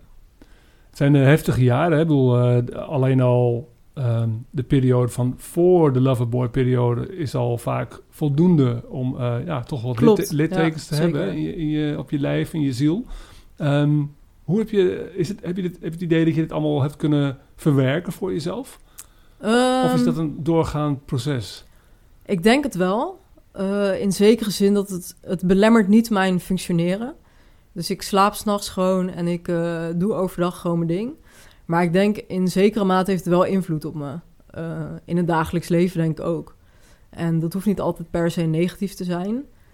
maar dat is denk ik wel um, een, soort van ja, je gaat jezelf in zo'n periode heel veel survival mechanismen aanleren. En ik denk dat ik dat af en toe uh, onbewust nog steeds gebruik. Dus bijvoorbeeld ook in mijn werk. Ik heb echt weken gedraaid in, de, in het begin van de COVID-periode van 40, 50, soms wel 60 uur per week. En dat, dat kon ik volhouden doordat je in een bepaald survival mechanisme gaat. En achteraf denk ik van, hé, hey, maar dat is helemaal niet oké. Okay. dat moet ik niet doen. Uh, dus ik herken het wel steeds eerder. Je ging ultra werken. Ja, ja, alles is ultra. Ultra lopen, ultra werken. Alles moet zeg maar een soort van perfectie nastreven of zo. Eigenlijk ben je een beetje... Uh, Run Forrest Run, dat komt natuurlijk uit de film uh, Forrest Gump, ja, hè? Ja, ja. Eigenlijk ben je een soort vrouwelijke Forrest Gump, hè? Die, ja, die hoor ik wel vaker, ja. Hoor je die vaker? Ja, dat, dat, dat geloof ik best. Want je, hè, die heeft ook op een gegeven moment ook zijn, uh, zijn ballast afgeworpen. Ja. Is gaan lopen en niet meer gestopt, hè? Ja. En zie, welke, welke overeenkomst zie je daarin voor jezelf? Um, ja, ik ben door de jaren heen, denk ik, steeds verder gaan lopen. En het is, ik vind het altijd heel moeilijk uitleggen aan mensen die niet lopen. Een collega van mij die zei uh, laatst van... Uh, ja, maar je moet een keer je rugzak opengooien... en er niet elke keer nieuwe dingen in stoppen. Maar toen dacht ik, maar ik ervaar het helemaal niet zo. Ik, ik doe gewoon ervaringen op in het leven... En soms ga ik daar op een verkeerde manier mee om, want ik ben ook niet perfect. Dus soms zal ik best wel op een verkeerde manier reageren. Uh, maar over het algemeen, um, eigenlijk hoe meer en hoe verder ik loop, hoe beter ik in balans ben. Uh, dus het gaat dan met mij gewoon beter. En dat, uh, ja, ik ben dan ook een stuk gelukkiger. Dus ik denk dat lopen, dat staat gewoon parallel aan, aan, aan, aan hoe ik invulling geef aan mijn leven. Nou, je loopt niet iets weg, maar je krijgt er iets voor terug. Ja, en dat is heel moeilijk uitleggen.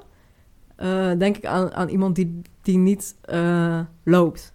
Heb je het idee dat je dat vaak moet uitleggen of verantwoorden bijna? Um, ik ben op een gegeven moment mee gestopt. Ik kreeg best wel vaak het verwijt naar mijn hoofd dat ik wegliep voor dingen. Uh, maar ik heb het altijd het lopen gezien als motivatie ook. Op een gegeven moment weet ik nog dat ik aan het studeren was. Ik deed toen de HBO verpleegkundeopleiding. En um, kijk, het studeren gaat mij niet heel makkelijk af. Ik heb ADHD en ik ben best wel dyslectisch. Dus ik ben, ik heb het concentratievermogen van een goudvis, zeg maar. Dus ik, het kost mij best wel veel moeite. Maar dat ik op een gegeven moment tegen mezelf ging zeggen van ja, maar als je een marathon gaat lopen of vijf kilometer gaat lopen, kan ook niet halverwege op de grond gaan zitten en denken van ja, eh, succes, ik doe het niet meer.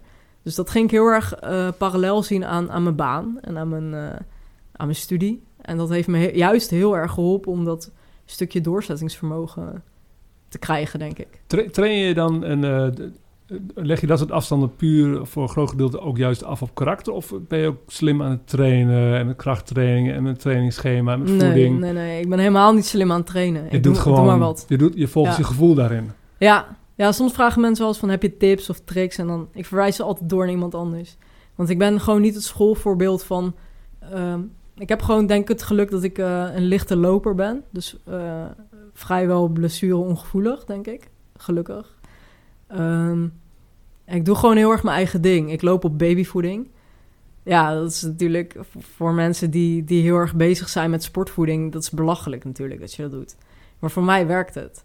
En dat... eh, en als ik eh, straks eh, 60 kilometer wil lopen, dan doe ik dat. En als ik morgen een hele dag op pad wil, doe ik het net zo goed weer.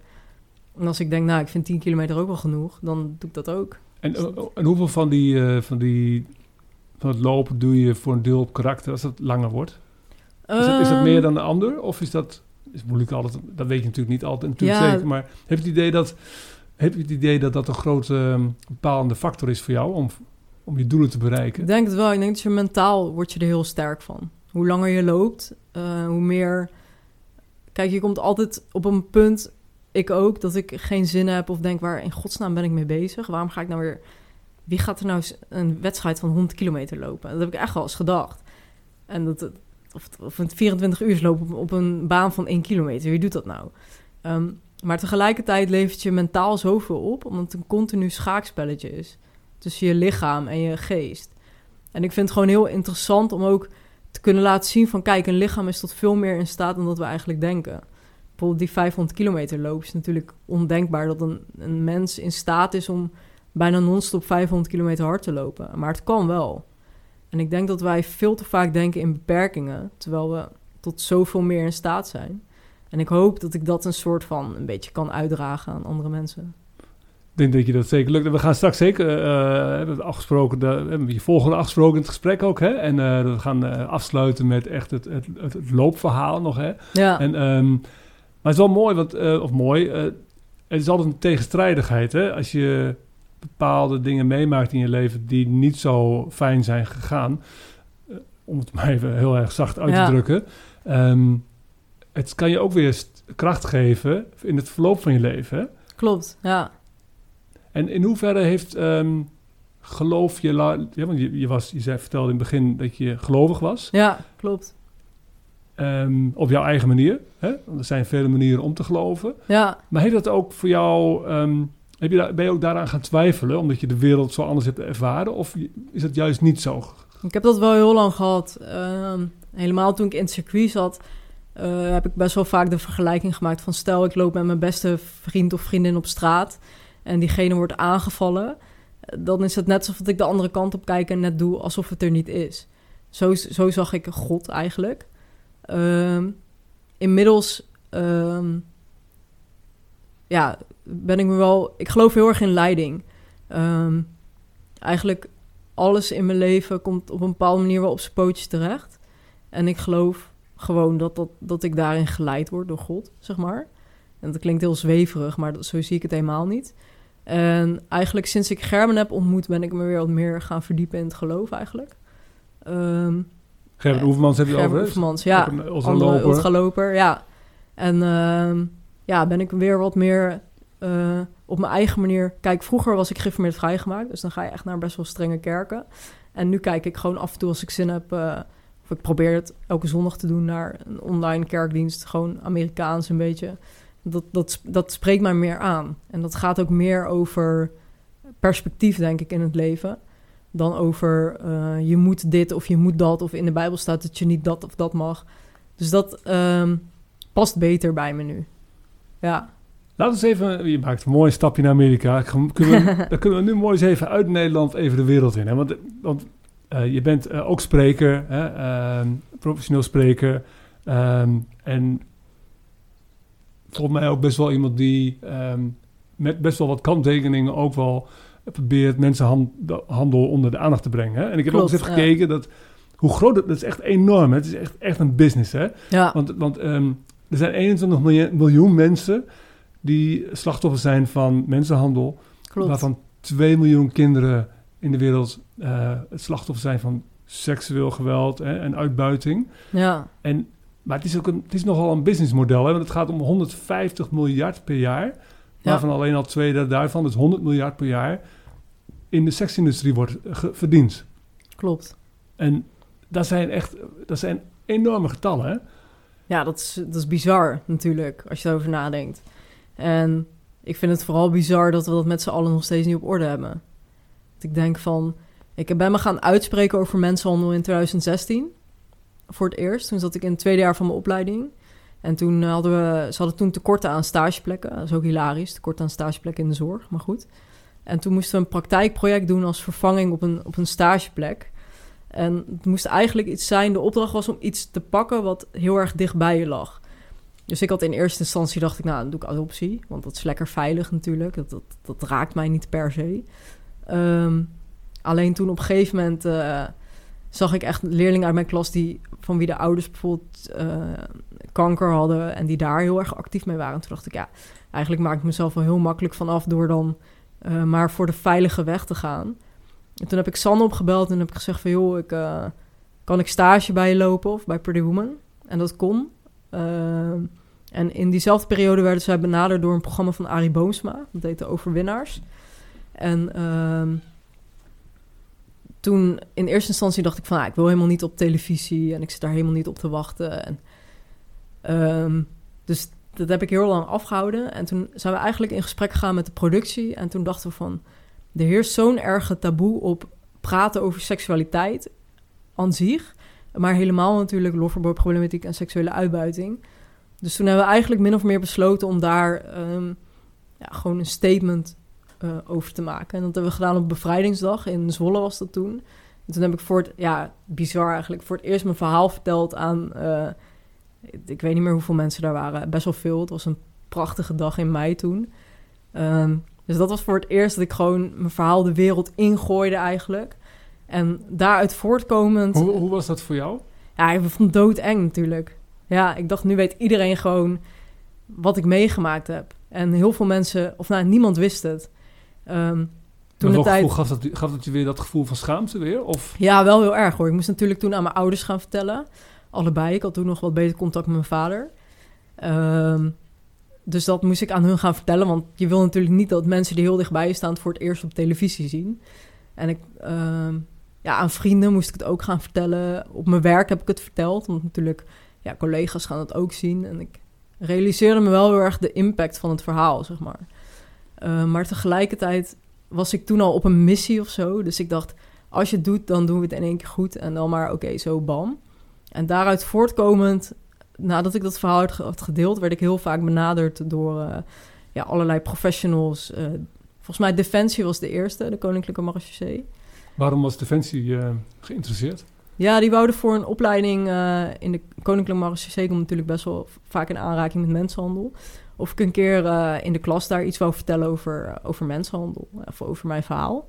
En dat vond ik toen wel, wel tof om te doen. En ehm, later ben ik steeds intensiever gaan samenwerken met Comensa... het coördinatiecentrum mensenhandel. Hebben we heel veel projecten samen gedaan... En op een gegeven moment had ik zoiets van... ja, ik, ik was toen ook wel een beetje klaar met mijn verhaal elke keer vertellen. Want het ging eigenlijk alleen maar over mijn verhaal. Ehm, toen heb ik besloten om een post-HBO te gaan volgen, bestrijding mensenhandel. Ehm, dat deed ik toen in het derde jaar van de HBOV, volgens mij. Ja, 2017. En ehm, puur om gewoon wat theoretische kennis op te doen over cijfers, maar ook hoe zit het met rechtspraak, met wetgeving, met beleid, eh, dat soort dingen. Wat eigenlijk maakte dat ik mijn eigen verhaal kon koppelen aan die theoretische kennis. Waardoor ik het idee had dat ik net iets meer eh, background information wil geven. En dat, eh, ja, dat, dat vind ik nog steeds heel belangrijk om te doen. En niet per se omdat het mijn verhaal is en omdat ik elke keer in het middelpunt van de belangstelling moet staan. Dat vind ik helemaal niet belangrijk. Maar ik vind het wel belangrijk dat zoveel mogelijk mensen dit verhaal horen. Waarom vind je dat belangrijk?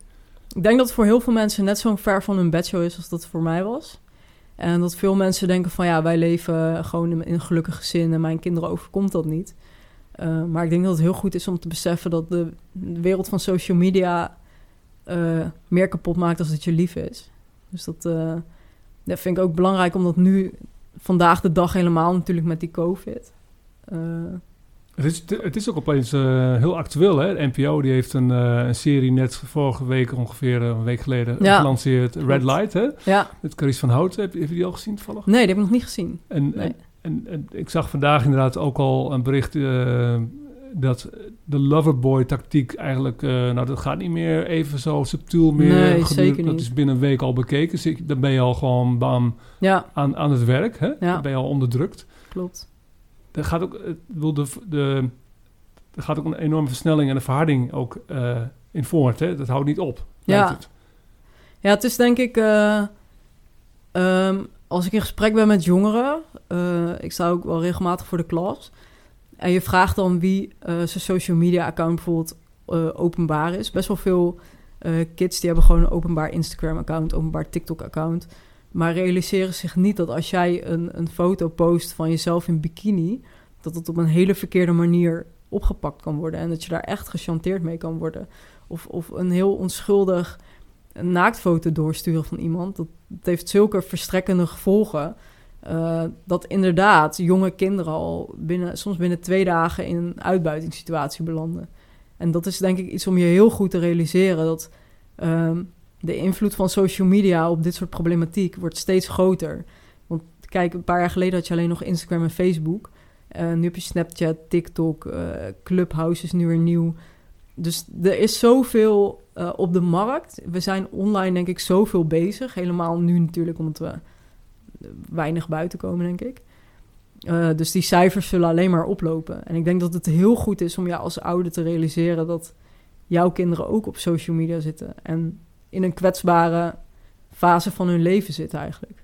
Waar, waar ligt jouw focus vooral nu dan? Is het dan die, die jongeren te bereiken of de ouders of de instanties? Waar, waar, wat, waar zit jouw kracht en jouw fo- focus? focus? Eh, mijn focus zit vooral op professionals. Omdat ik... eh, ik heb een hekel aan professionals die denken, vanuit een, die denken te kunnen werken vanuit een boekje of vanuit kaders.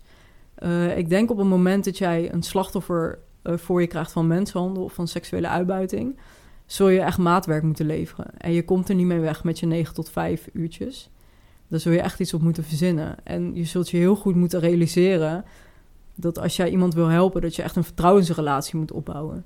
En dat, dat, dat kan niet met iedere week een uurtje. Daar ga je het niet mee redden. Want hoe, hoe, hoe, bekijk, hoe kijk je dan nu naar hoe dat nu gaat dan vanuit de professionals? Nou, ik denk, maak gewoon gebruik van, van WhatsApp, van eh, spraak, spraakberichten, eh, weet ik veel. Iets in die trant. Maar Laat- heb je het idee, maar heb je het idee dat, eh, dat, dat we de juiste mensen, de juiste instanties op de juiste plek hebben op dit moment? Ik denk dat we dat wel steeds beter georganiseerd hebben. Ehm, maar ik denk gewoon, ik ben er eigenlijk van overtuigd dat je een soort van dedication moet hebben om dit soort problematiek aan te pakken. En het kan eigenlijk niet zo zijn dat je denkt van, oh, mensenhandel vind ik wel interessant, dus ik ga maar eh, iets met mensenhandel doen. Eh, ja, ik, ik geloof niet dat het werkt. Er moet heel veel bezieling in zitten. Ja, en ik moet heel eerlijk zeggen, ik geloof niet zozeer in ervaringsdeskundigheid. Omdat ik gewoon, ik zeg altijd maar zo, je ervaring maakt je niet deskundig. Mijn ervaring heeft me nooit deskundig gemaakt. Eh, daarom dat ik die post-HBO ben gaan doen. Ik noem mezelf nog steeds geen ervaringsdeskundige, want ik vind het een heel vervelend woord. Maar ik denk juist door gebruik te maken van, eh, ja, stel mensen of, of hulpverleners zetten mij in. Ik denk dat ik net wat beter kan levelen met, met, met de jeugd. En daardoor eh, soms wat eerder wat los krijgen als, als een professional. Het probleem is ook wel als je kijkt naar Nederland. Hè, ik, ik las dat er zo'n nou, bijna 1500 slachtoffers zijn in beeld. Maar dat er in de realiteit volgens onderzoek maar zo'n 5 tot 7.500 slachtoffers moeten zijn op dit moment. Ja, Hè? En, ehm, en, en, en, eh, maar dat, is, dat zijn eigenlijk maar nou ja, een afnemend aantal verdachten. Hè? Dus in 2016 waren er 285 verdachten. Het klopt. probleem werd groter, maar het aantal verdachten werd minder, 170. Ja, En dan slechts een klein deel daarvan die komt voor het gerecht. En daar weer een klein van deel wordt bestraft. En Ja. daar weer een klein deel van wordt geresocialiseerd. klopt. Dus ja. het, het, eh, is er wel voldoende geld en middelen en mensen en aandacht voor dan om het probleem überhaupt te kunnen Nee, ik denk het niet. Nee, en ik weet dat het heel ingewikkeld is. Kijk, op het eh, stukje rechtspraak zit je gewoon met bewijsvoering, die heel erg moeilijk is. Ehm, want zie maar is te bewijzen dat jij niet eh, wilde werken voor die klant. Dus dat, dat maakt het heel moeilijk. Ik denk dat de bereidheid bij de politie er zeker is. Maar dat de politie heeft de afgelopen jaren heel veel geïnvesteerd in de juiste mensen op de juiste plek krijgen. Kijk, sommige politieagenten die, die zijn gewoon niet geïnteresseerd. Of, of die moet je gewoon niet op een mensenhandelzaak zetten. Omdat ze daar een ander soort van. Ik wil niet zeggen dat ze niet empathisch zijn, maar die zullen een ander soort empathie hebben. Of die zijn veel liever op straat boeven aan het vangen dan dat ze in gesprek gaan met een slachtoffer van mensenhandel. Dus ik denk dat, dat de politie op dat punt wel goed bezig is. Ook uh, het gebruik van social media natuurlijk. Door uh, wijkagenten die gewoon actief zijn op social media maakt ze natuurlijk uh, toegankelijker. Dus ik denk dat dat zeker goed gaat. Maar ik denk op het gebied van rechtspraak moet er gewoon echt wel wat veranderd worden. Dus er zullen echt wetten gemaakt moeten worden die ervoor zorgen dat, uh, dat we van een dadermaatschappij, want dat hebben we. De daders worden eigenlijk meer gehoord als de slachtoffers. Je bent onschuldig tot het tegendeel bewezen is. Maar je bent ook geen slachtoffer totdat het tegendeel bewezen is. Zo wordt het eigenlijk gezien. Uh, daarnaast is er nog steeds sprake van victim blaming. Dus je gaat, ja, wat vaak gebeurt is dat aan slachtoffers wordt gevraagd van ja, maar waarom laat je dat dan toe? En waarom heb je geen nee gezegd? En waarom dit? En waarom? Terwijl het belachelijk is dat iemand gewoon jouw integriteit kan aantasten. Het zou niet moeten kunnen. En daar hoef jij je eigenlijk helemaal niet voor te verantwoorden. Dus ik denk dat, dat op het gebied van wetgeving moeten gewoon goede wetten gemaakt worden. Waarin daders veel minder rechten krijgen als slachtoffers. En heb je er vertrouwen in dan? Hè, want, want elke gemeente moet in 2022 een duidelijk plan hebben tegen mensenhandel. Dus ook tegen Ja. deze vorm van handel. Klopt. Heb je het idee dat de gemeentes een beetje op, eh, op koers zijn? Nee, ik, eh, nee, sorry. Ik weet dat, eh, dat er per gemeente zorgcoördinatie wordt uitgerold. Maar als je per saldo gaat kijken dat die mensen soms vier uur in de week hebben om, om hun zorgcoördinaat, zorgcoördinatortaken te vervullen, dat is gewoon te weinig. Dus dat, daarin schiet je al tekort. En eh, daarbij maakt het ook nog verschil uit tegenwoordig of je slachtoffer wordt in Utrecht of in, eh, weet ik veel, Tiel. Want in Tiel hebben ze natuurlijk minder middelen als in Utrecht. Dus dat, eh, ik denk dat er landelijk gewoon. het is mooi om het bij de gemeentes neer te leggen, maar ik denk dat er ook landelijk gewoon een statement moet komen tegen dit soort praktijken. En toch ben jij niet, eh, je lijkt me voor de duivel niet bang. Hè? Je komt over als een eh, krachtig persoon en je, je, je hebt een eigen website, gewoon met je volledige naam. Je hebt je 06-nummer erop staan. Klopt. Je bent gewoon bereikbaar, toch? Ja, ik ben Maak heel bereikbaar. Maak je niet, eh, maak je, je, je voelt, je bent je niet aan het verstoppen. Nee, ja, ik ben er gewoon klaar mee. En ik weet gewoon, ik weet eigenlijk zeker dat de Loverboy, Dennis heet hij trouwens. Ik eh, vind het altijd een beetje- vervelend om over de Loverboy te hebben. Hij heeft gewoon een naam en die mag best genoemd worden, denk ik. Ehm, dat Dennis dit gezien heeft. En dat hij weet wat ik aan het doen ben. Eh, maar tegelijkertijd ben ik minder kwetsbaar dan ik toen was. Dus als hij het lef heeft om hier voor de deur te staan, dan bel ik gewoon 112. En dan mag ik toch hopen dat de politie hem even netjes afvoert naar het politiebureau. Maar Dennis heeft nooit eh, verantwoording hoeven afleggen. Nee, Dennis is onvindbaar. Dus dat is ook best wel bijzonder natuurlijk. Ja, ik, ik vind het heel bijzonder dat het kan. Want je zou denken met de huidige politiesystemen kunnen ze alles... Ze weten alles van ons. Dus hoe kan je nou iemand kwijt zijn? Ik vind dat heel bijzonder. Laten we eens teruggaan naar het moment dat je dus ehm, ontdekte dat je het lopen echt jouw ding was. Ja, Je, was, eh, nee, je vertelde al, je, begon, eh, je ging s'nachts in je oude kloffie, laat het zo maar gewoon noemen, ja. ging je lopen. Eh, daarin werd je bijna alweer uitgelachen bij voorbaat, hè? Dat Ja, idee ja. Had, je, had je. Maar goed, ehm, wie het laatst lag, die lacht het best, hè? Want eh, vanaf Ja, daar eh, dat, ehm, ging het alleen maar bergopwaarts ook. Soms bijna letterlijk. ja, klopt. Ja, ik word best wel vaak uitgelachen in mijn leven. maar uiteindelijk weet ik inderdaad wie het laatst lag, lag het best. Dus ik, eh, ik heb het gewoon... Ik vond het gewoon leuk. Ik vond het lekker om te lopen. Dus op een gegeven moment dacht ik, nou, dan ga ik wel s'nachts lopen, want dus kom ik toch niemand tegen. En eh, ja, op een gegeven moment ben ik wel wedstrijden gaan lopen. En ook zonder eh, sportkleding. Dus ik ben er op een gegeven moment had ik er een beetje scheid aan. En toen heb ik eh, volgens mij voor het eerst, mijn eerste echte wedstrijd was de Dam tot Dam.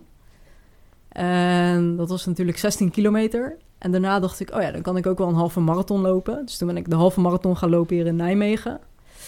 de Stevensloop was dat toen volgens mij. Uit mijn hoofd. Ik weet het niet eens meer.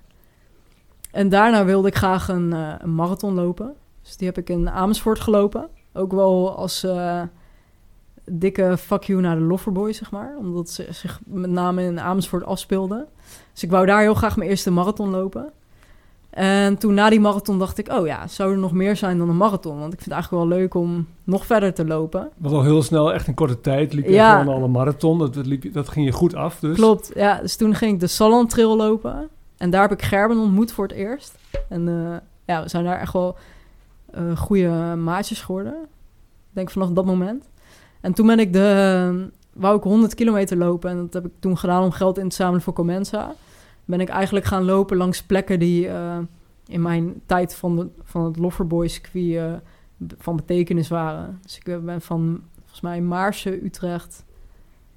eh, even kijken, nee. Ja, Maarsen, Utrecht, Amersfoort, Ede, eh, Arnhem, naar Wageningen gelopen. Ja, En, en, dat, en dat was, eh, je, je maakte even hele snelle stapjes, hè, 42. Enfin, eh, toen het ja het was ook een hele En- snelle stap eigenlijk. Van, Van, in, hoe, in hoe- welk tijdsbestek zat je dan op die 100 kilometer? ja, best wel vlot na die marathon eigenlijk. Vlot na die marathon. Ja, Heel veel mensen die doen daar jaren over. Ja, ja, ik dacht 100 kilometer is, vond ik iets magisch. Ik dacht dat kan bijna niet. Ik kon me niet voorstellen dat een menselijk lichaam in staat was om 100 kilometer hard te lopen.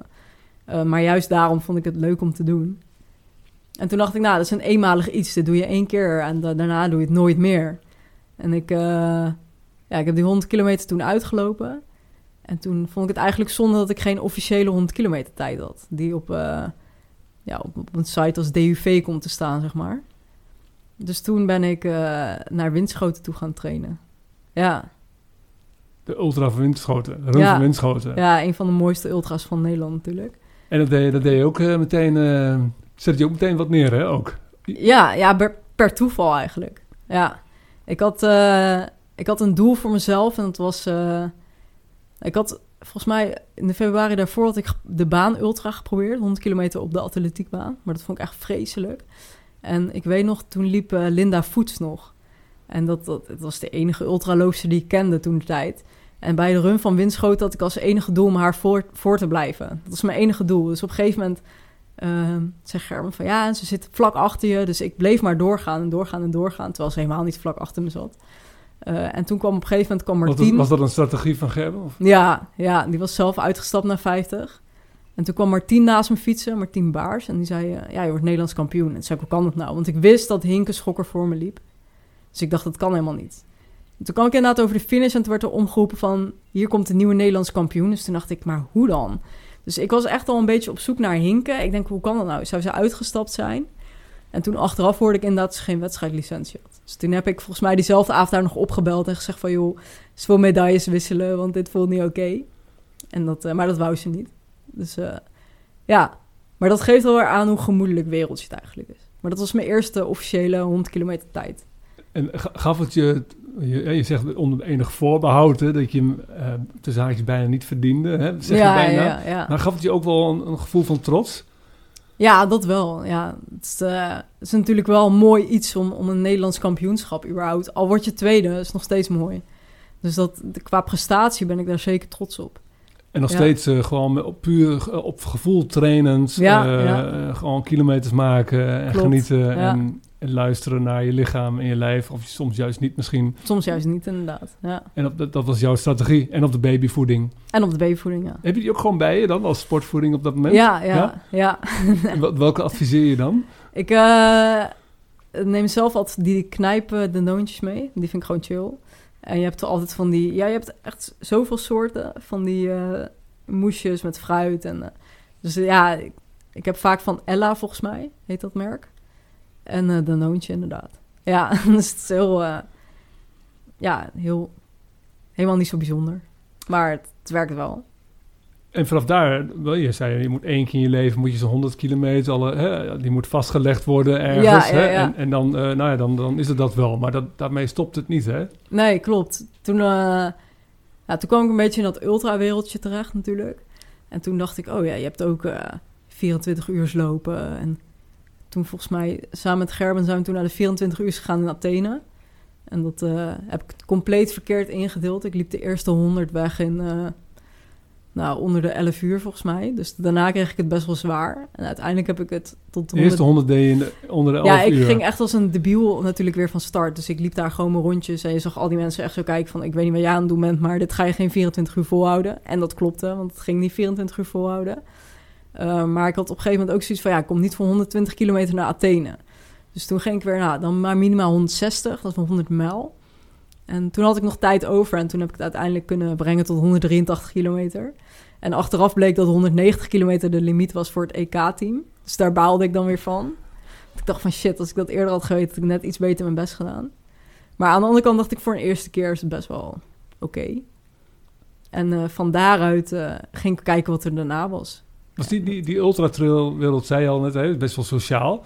Ja. Was dat, was dat, um, is dat buiten het lopen uh, ook hetgeen wat jou daarin nu ook trekt, juist? Dat, dat, ja, je thuis het wel. Ja, het is een soort van kleine familie. En het zijn mensen die allemaal met hetzelfde bezig zijn. En dat, uh, kijk, in het dagelijks leven begrijpen mensen denk ik vaak niet waarom je zoveel loopt. Um, maar juist die, die al andere ultralopers, die doen dat wel. En die doen net zulke gekke dingen. Ja, die hoef je niks uit te leggen. Uh, nee, kijk, weet je, als ik zie dat Irene Kindergin weer een van de 100 kilometer loopt te knallen over het strand als training, dan denk ik van ja, zo gek ben ik nog eigenlijk helemaal niet. Nee, ik doe gekke Het kan nog veel gekker, ja. En, en, maar op een gegeven moment ben je ook gewoon, uh, of gewoon, op een gegeven moment ben je ook de, de berg ingegaan. Hè? Ben je uh, echt, echt het de trail, nog meer trailwerk ingegaan. Ja. En, en je hebt ook in datzelfde jaar als in Athene, ben je de Scenic Trail gaan doen, hè? Klopt, maar ja. Dat, maar dat was, uh, dat was wel even andere koek, hè? Dat was wel... Ja, ja, ja. Ik dacht oprecht, ik was oprecht van mening dat ik daar wel even op snelheid... Uh, een 113 kilometer ultra met weet ik hoeveel hoogtemeters kon wegknallen. Maar dat viel vies tegen. Dus uh, ja, op een gegeven moment frustreerde me dat een beetje. Dat ik dacht van, ja, dat gaat helemaal niet snel. En ik ben meer aan het lopen dan, en aan het klimmen dan aan het, uh, aan het hardlopen. Maar op een gegeven moment kon ik het ook wel waarderen. Ik, ik, nou, op een gegeven moment sta je om... Begon om 12 uur uh, s'avonds. En uh, na 20 kilometer was ik eigenlijk al wel klaar mee. Ik dacht van, ja, ik val de hele tijd en ik kon helemaal niet dalen. En toen zei Peter van der Zon, die was daar toen als, uh, ja, als supporter, zeg maar, voor de Nederlanders... En die zei van, nou, probeer het gewoon tot, tot de ochtend. Dan heb je in ieder geval die zonsopkomst meegepakt. Toen dacht ik, ja, dat is ook wel uniek, een zonsopkomst op de berg. Dus ik denk, ook, toen dacht ik, oké, dan ga ik wat rustiger aandoen... en dan uh, zie ik wel waar ik kom. En inderdaad, die zonsopkomst op de berg, dat is gewoon magisch. Dat je daar een soort van gewoon aan het lopen bent... en dan die zon ziet opkomen en daar op zo'n berg staat. Dat is gewoon, is een onvergetelijke ervaring... En toen heb ik eigenlijk, uh, ik ben bij 60 kilometer uitgestapt, omdat ik mijn voeten helemaal kapot had gelopen. Uh, maar ik heb echt van elke kilometer daarna genoten. Heb je juist genoten? Ja, ik vond het zo prachtig, die uitzichten. En uh, op een gegeven moment ben ik dus uitgestapt bij die 60. En toen, ja, toen heb ik mijn vriend opgebeld, of nu mijn ex, en gezegd van, ja, ik ben uitgestapt. En toen zei hij, oh nou, we zijn vlakbij Milaan, dus we rijden wel even door naar Milaan. Toen zijn we nog even naar Milaan geweest, dus de hele ervaring was gewoon onvergetelijk. Ja, ik baalde natuurlijk wel dat ik hem niet had uitgelopen. Um, maar het heeft me ook wel weer leren genieten van het lopen of zo. Ben je, meer, ben je meer een, trailer geworden of ben je meer een wegloper qua ultra? Wat, wat, wat ligt jou het beste? Ik vind allebei heel fijn. Ik vind de weg heel fijn om wat meer snelheid te hebben. En wat meer uh, ja, constant uh, tempo, zeg maar. Maar ik vind de bergen en het bos uh, vind ik gewoon mooi. Omdat je daar... Ja, je bent een soort van alleen op de wereld of zo.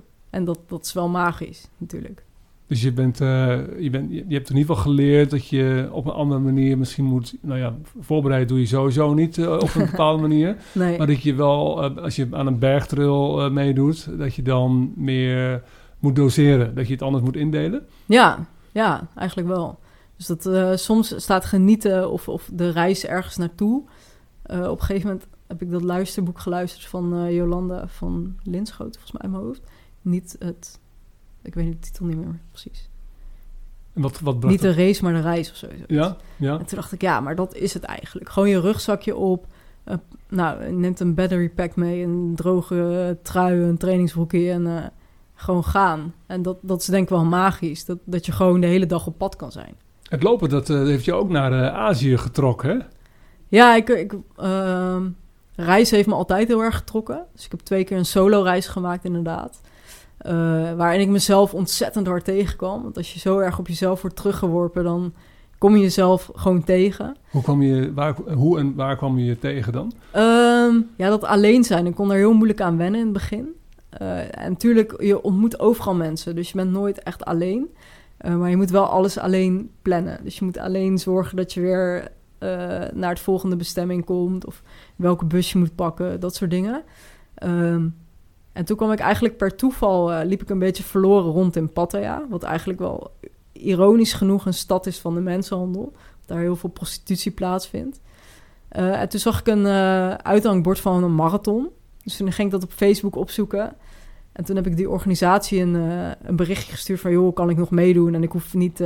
ik wil gewoon betalen en ik hoef geen poespas of zo. Maar ik wil gewoon heel graag die marathon lopen. En toen zeiden van... ja, je kan morgenochtend nog inschrijven... En toen ben ik meteen die ochtend daarheen gegaan, heb me ingeschreven. En toen, s'nachts zou dan die marathon beginnen. Die begon om middernacht vanwege de temperatuur. En dat, uh, ja, dat was heel bijzonder. Gewoon een marathon in Azië lopen. En per toeval werd ik toen vierde dame, wat daar blijkbaar een ding is. Dus het was een wedstrijd georganiseerd vanuit het Koningshuis. Dus was nog een hele happening eromheen met podiumplekken. En ja, het was gewoon heel erg bijzonder. En toen... Uh, kreeg ik kort daarna een berichtje van iemand op Instagram. En die zei van, joh, ik heb, je, ik heb gezien dat je bij Pattaya Marathon was. Uh, heb je zin om naar uh, Borneo te komen? Want we hebben binnenkort ook een marathon. Dus toen dacht ik, ja, waarom niet? Dus toen ben ik naar Borneo gevlogen. En heb ik daar uh, ja, eerst die mensen ontmoet. En toen die marathon gelopen. En het jaar daarna ben ik weer teruggegaan naar dezelfde plek. En toen heb ik daar 10 kilometer gelopen. En dus die trail op Kota Kinabalu. Dat is ook op Borneo. Dat is gewoon ja, echt een bergtrail, zeg maar. Hoe, dat, dat, is voor jou een bijzondere trail geweest, hè? Ja. Wat je dan daar zag, uh, qua omstandigheden, maar ook uh, wat mensen, hoe mensen zich, uh, ja, wat, wat, middelen ze hadden of niet hadden. Ja, ja die, die mensen die ik heb ontmoet op Borneo, die, die lopen eigenlijk allemaal op crocs. Dus waar wij bezig zijn met Garmin's en Hoka en carbon schoenen of geen carbon schoenen of, of zero drop of weet ik wat allemaal, noem het maar op. Lopen ze daar gewoon op crocs. En ik vond het zo bijzonder eigenlijk. Ik dacht van, zie je, het kan wel. Het was een soort van, zie je nou wel, momentje dat ik me al die jaren een beetje uitgelachen heb gevoeld. Omdat ik niet een Garmin had en niet, uh, ja, gadgets verkeer. Ik geef er niet zoveel om. Uh, en dat ik toen dacht van, ah ja, het hoeft ook helemaal niet. Je kan ook prima een trail lopen, gewoon op je crocs. Waarom niet? En nog heel goed waarschijnlijk ook nog. Ja, die, zijn, die gasten die zijn echt slim. Ik, of uh, slim, snel, ze zijn ook slim. Ik ben daar echt kaart op die 10 kilometer uitgelopen door een man van 67 op zijn crocs. Dus dat, dat, dat, zegt helemaal niks, nee. Is dat, voel je juist dan in zo'n omgeving juist weer uh, lekkerder dan in een hele gimmick uh, wereld? Ja, eigenlijk wel. Ja, ik hou wel van back to the basic. En ik moet zeggen, je hoeft mij niet op een per se de hele ik ben geen kampeerfiguur of zo. Maar ik vind het gewoon lekker om naar buiten te gaan. En natuurlijk in Azië er weer hele andere omstandigheden. Dus dat, uh, ja, ik vind het gewoon mooi. Het laatste wat je hebt gedaan is uh, afgelopen jaar. Heb je, je vertelde al net even, 500 kilometer ja, voor Serious Request. Ja. Hoe kwam je daar uh, zo bij om daar um, iets voor het Rode Kruis te gaan betekenen? ja, ik had aan het begin van de COVID-periode 24 uur gelopen om geld in te zamelen voor het Rode Kruis. Ehm, en eigenlijk mijn grootste motivatie was... Uh, ik werkte uh, toen in een verpleeghuis. En uh, ja, wij zijn best wel lang op slot geweest... in het begin van de COVID-periode. Dus mensen mochten geen bezoek ontvangen.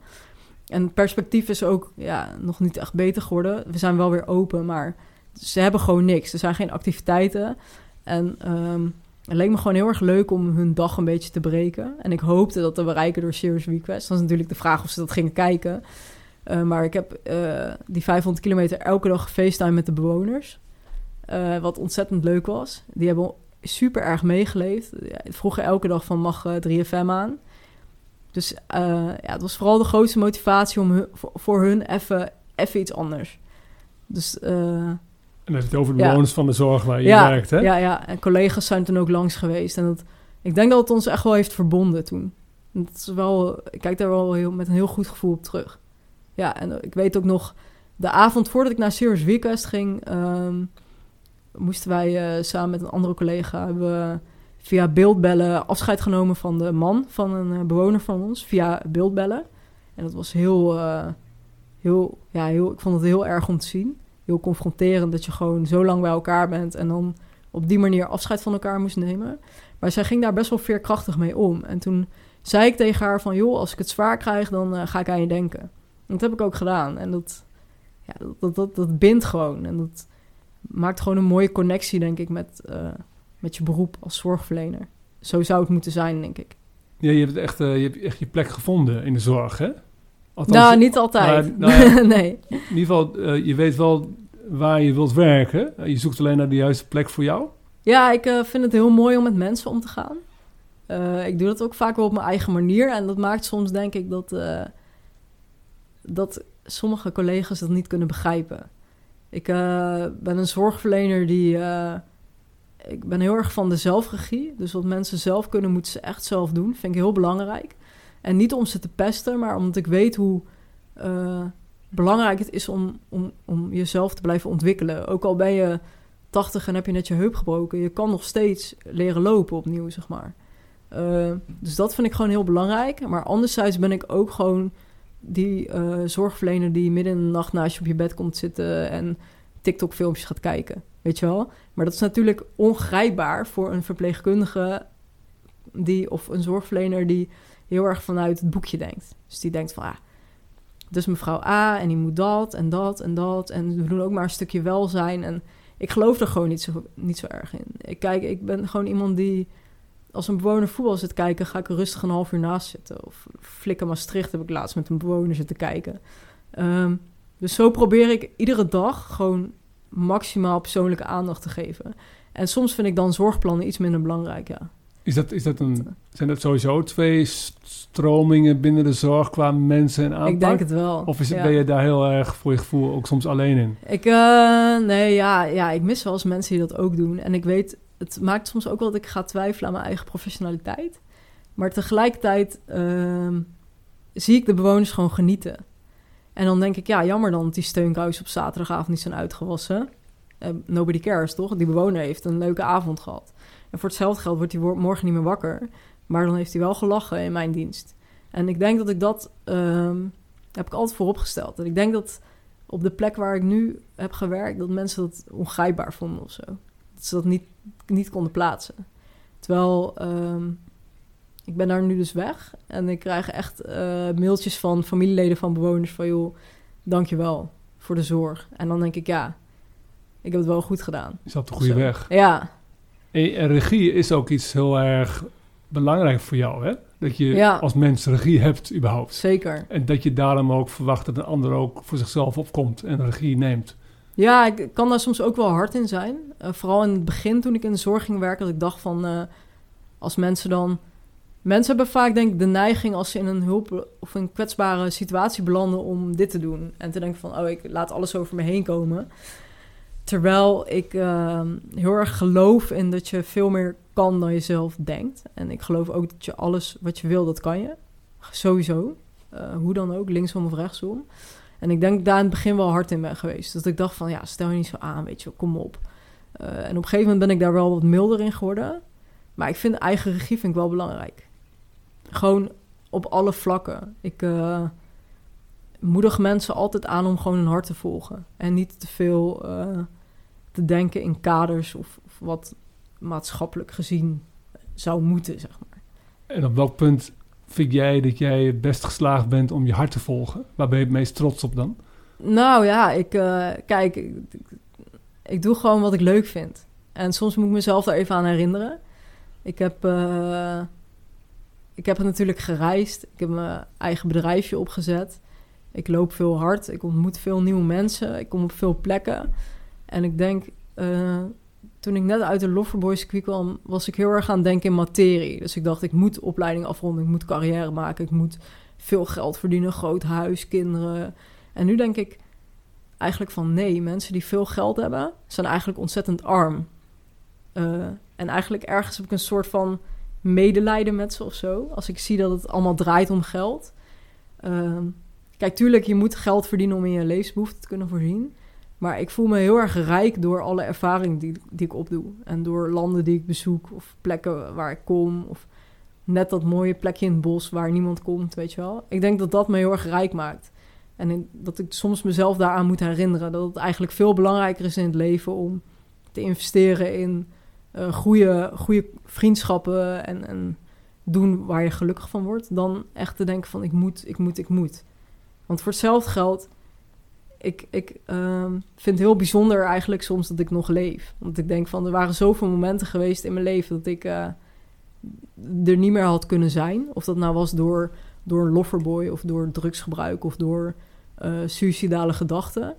Dat ik probeer om het beste uit iedere dag te halen. En dat maakt dat ik, ik denk niet zo erg vooruit.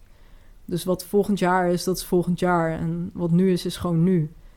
En ik ben me heel erg van bewust dat ik eh, straks ook naar buiten kan lopen en hartstikke plat kan worden gereden door een auto. Dus ik denk, dan heb ik in ieder geval wel altijd alles gedaan wat ik leuk vond. Met jouw 29 jaar ben je, eh, heb je, straal je echt wel een soort wijsheid uit van een, eh, een echt een doorleefd iemand ook, hè? Ja, een beetje, ik voel me soms wel een beetje een oude geest in een jong lichaam of zo. Ja. Heb je wel eens opgezocht ehm, wat jouw naam betekent? Ja, ik kwam uit op dikzak. ja, nou ja, die- zag ik ook Ja. inderdaad. Nou, je, hebt, je, hebt, ja, je, hebt, eh, je hebt inderdaad dikzak, heb je, maar die, die, eh, die, heb ik- die heb ik... ik had er een paar opgeschreven, dat is echt heel mooi. In India betekent het ehm, happiness. Oké, En ehm, ik heb ook gezien The Gift of God, heb ik gezien. oh, dat vind ik En- wel mooier, ja, als dikzak. Ja, ik heb Invaluable gezien. Die heeft echt, jouw naam heeft zoveel betekenis. Precious, expensive. Maar wat de cool, mooiste, ja. en die vond ik leuk om mee af te sluiten. En als, ehm, als dank voor, eh, voor jouw openheid en eh, dat je mij hebt ontvangen. Ja? En dat je je verhaal hebt geduld. Ehm, vond ik mooi om af te sluiten dat jouw naam ook betekent A Big Forest in Paradise. Ook serieus? Wat Ja. vet. Nou, dat vind ik wel mooi, de mooiste, ja. Dat is een mooie gedachte. hè? Ja, Zullen we daarmee afsluiten? Mooie afsluiter. Dankjewel voor je tijd en voor je, voor het delen. Ja, jij ook bedankt.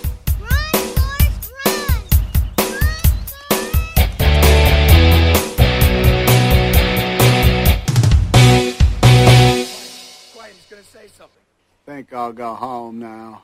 Now what are we do?